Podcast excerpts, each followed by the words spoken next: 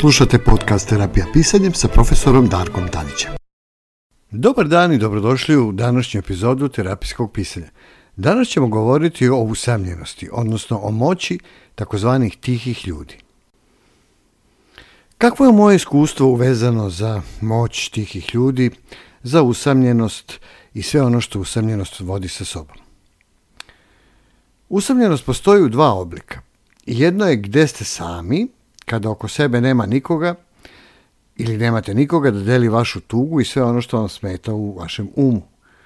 Druga je vrsta usamljenosti koju osjećate kada se osjećate sami u društvu drugih, kad znate da imate ljude oko sebe, ali oni ne razumeju kroz šta prolazite. Imao sam ovu drugu vrstu usamljenosti i ta vrsta usamljenosti te zapravo izjeda najviše iznutra.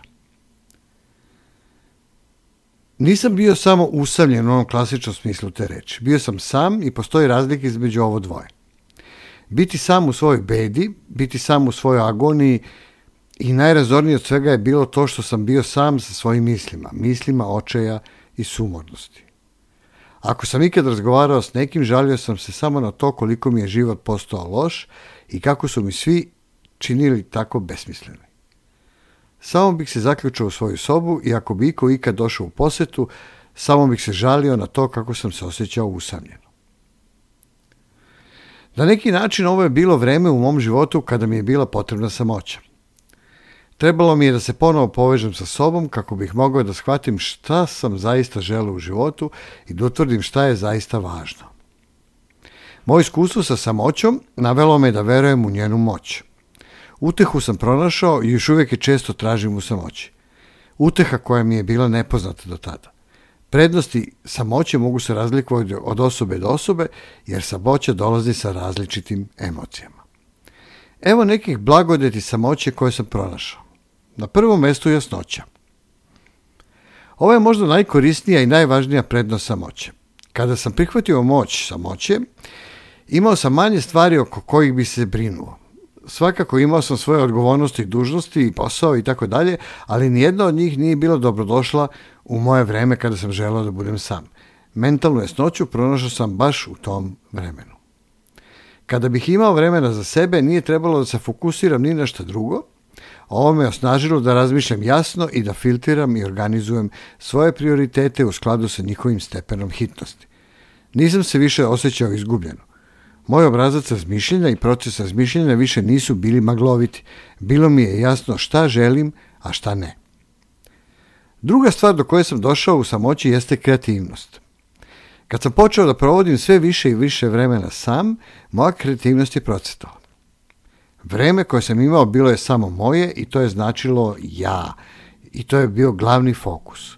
Ovo vreme daleko od ljudi iz poljašnjeg sveta omogućilo mi je da istražim svoje kreativne granice. Rezultate sam viđao danima. Kao entuzijast umetnosti sad sam eksperimentisao sa novim medijima. Tada sam otkrio pisanje, otkrio internet, otkrio e, video, YouTube, e, podcast i mnoge druge stvari. Moja kreativnost nije bila ograničena samo na olovku i papir, koji sam uvek koristio do duše. Sada sam eksperimentisao i sa zvukom, i sa slikom, i sa različitim medijima, kako bih izrazio ono što sam zaista osjećao. Neki od mojih najboljih umetničkih dela rezultat su ovog vremena samoće. Treća stvar je bila važna, a to je sloboda. Što sam više vremena provodio sam, osjećao sam se slobodnije. Samoća je dolazila sa određenim osjećajem slobode. Sloboda da radi šta sam želeo. Sloboda od presude, od osude. Sloboda da jednostavno budem ono što sam želeo. Tako sam stvorio zonu bez presude. Mesto gde nisam morao dva puta da razmislim pre nego što bih nešto uradio. Mogao sam da radim šta god želim, bez straha da ću biti kritikovan ili osuđivan od strane drugih. Četvrta stvar koja je bila važna jeste da sam se osjećao vrlo udobno u svojoj koži. Postao sam potpuno svestan sobstvenih veština i sposobnosti, pa čak i kad sam bio u teškoj ili stresnoj situaciji, uvek sam znao šta moram da radim – Postao sam siguran u šta god da radim i uživao sam u opuštenom pristupu u životu uopšte. Nije bilo važno što druge misle o meni. Više mi nije trebalo potvrda od drugih da, se, da bih znao dobro šta jesam, a šta nisam. Ako sam osjećao da nešto nije u redu, postupao sam prema tome i bilo je sasvim uspešno. Mišljenja drugih o meni počela su da postaju sve beznačajnija, dok su moje sobstvene mišljenja dobijala na značaju i to me zaista okrepilo. Peta stvar je zahvalnost. Ovo je bilo ujedno i najteži, ali najvredniji dar samoće. Kad sam provodio vreme sam, mogao sam jasnije da razmislim o svim stvarima koje sam imao. Ovo je značilo biti zadovoljen onim što imam i ne zavideti onome što, nije, što nisam posjedovao ili što nemam. Pogotovo se to odnosi na materijalne stvari. Saznao sam da svaki put kada se žalimo na nešto što uzimamo zdravo za gotovo, da je to uglavnom sve ono što već imamo. Jednom kad sam počeo da vidim jednostavna životna zadovoljstva, shvatio sam za koliko moram da budem zahvalan i koliko sam bio nezahvalan. Što sam više izražavao zahvalnost, to sam bio srećni. Naredna stvar su bili bolji odnosi sa drugim ljudima. Vreme samoće mi je pomoglo da uspostavim bolje odnose sa ljudima oko sebe. To je bila moja porodica, moji prijatelji ili ljudi sa mog radnog mesta i sad sam imao jake međuljudne odnose sa svima koji su imali udela u mom životu. Brzo sam izrazio zahvalnost tamo gde je to bilo potrebno. Sada sam brinuo o ljudima koji su mi bili važni više nego ikad, jer sam se sada brinuo o svojim potrebama na prvom mestu. Sljedeća stvar koja je bila jako važna jeste samopouzdanje samopouzdanje je došlo zato što sam se toliko usredsedio na sebe. Potrošio sam veliku količinu energije i vremena da bih postao samopouzdan. Bio sam šokiran količinom posla koji sam mogao da obavim bez ičije pomoći. Osporavajući sobstvene granice i pomerajući svoje granice, sad sam lako mogao da radim stvari samo za koje sam smatrao da je potrebno više učešće ljudi nego što bi inače trebalo. I samo tada. Naredna stvar je bio unutrašnji mir. Doni došao kao poklon sa neba i ovaj poklon ne samo da je bio nagrađen, već je bio i preko potreban. Jednom kad mi je bilo ugodno da budem sam, bio sam u miru.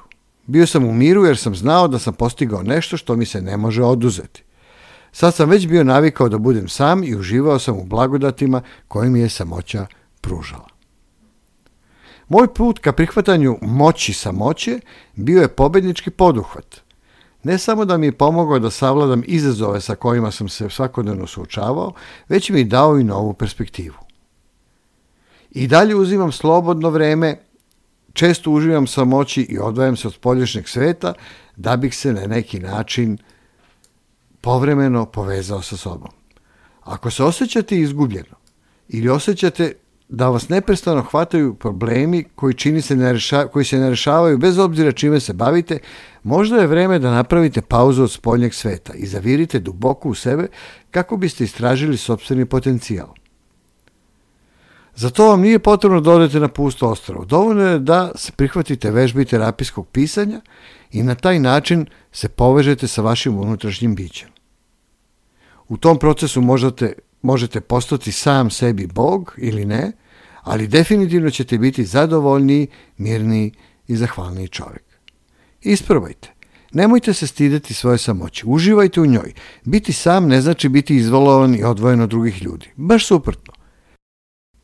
I onda ćete vidjeti kakva je moć tihih ljudi i kakva je moć usamljenosti u pronalaženju samog sebe. Slušali ste podcast Terapija pisanjem sa profesorom Darkom Tadićem. Pratite nas i u sljedećim epizodama na našem sajtu www.terapijapisanjem.com